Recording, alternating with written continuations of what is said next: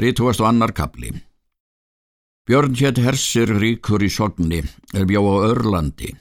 Hans son var Brynjólfur, er arf allan tók eftir föðursinn. Senir Brynjóls voru þeir Björn og Þorður. Þeir voru menn á ungum aldri er þetta var tíðinda. Björn var farmaður mikill, var stundum í viking en stundum í kaupferðum. Björn var hinn gerfilegasti maður. Það bar stað á einu hverju sömri að Björn var stattur í fjörðum að veistlu nokkur í fjölmennri. Þar sá hann mei fagra þá er honum fannst mikið um. Hann spurði eftir hver rættar hún var.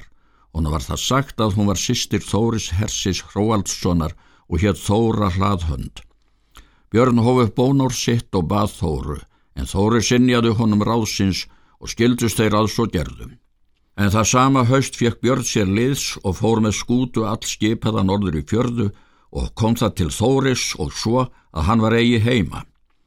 Björn namn Þóru á brott og hafði heim með sér á Örland. Voru þau þar um veturinn og vildi Björn gera brúðlaup til hennar. Brynjólfi föður hans líkaði það illa er Björn hafi gert. Þótti svíverðingi sví þar sem áður hafði löngviðin átt að veri með þeim Þóri og Brynjólfi.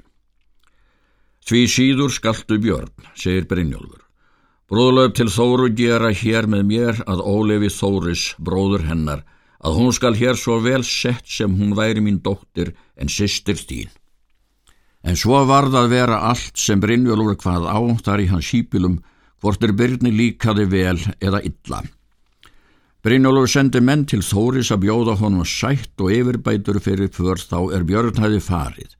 Þóru bað Brynjól senda þeim Þóru, sagði að ekki myndi af sættum verða ella. En Björn vildi fyrir engan mun láta hana í brott fara þó að Brynjólur beitti þess. Leið svo af veturinn. En er voru að tók, þá rættu þeir Brynjólfur og Björn einn dag um ráðagerði sínar. Spurði Brynjólfur hvað hann ætlaðist ferir.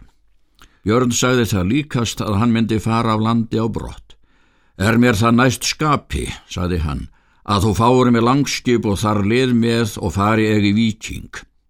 Engi vonir þess, saði Brynjólfur, að ég fái þeirri hendur herskip og lið mikið, hjá að eg veit eigi nema þá komir þú þar niður er mér er öll ófúsa á, og stendur þó nú áður ærin órája af þér.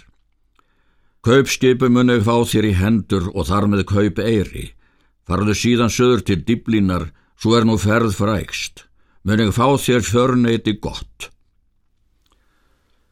Björn segir svo að hann myndi það verða upp að taka sem Brynjólfur vildi. Leta hann þá búa kaupskip gott og fekk menn til. Bjóst Björn þá til þeirrar ferðar og varð ekki snembúin. En er Björn var albúin og byrran á, þá steg hann að bát með tólmenn og reri inn á Örland og gengu upp til bæjar og til dingjuð þirrar er móður hans átti. Sátt hún þar inni og konur mjög margar. Þar var Þóra. Björn sagði að Þóra skildi með honum fara.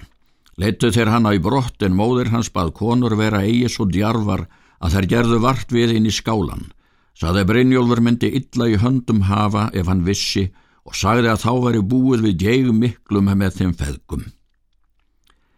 Fóruð þeir síðan um nóttina út til skipsins, dróðu þegar seglsitt og syldu út eftir soksæ og síðan í haf.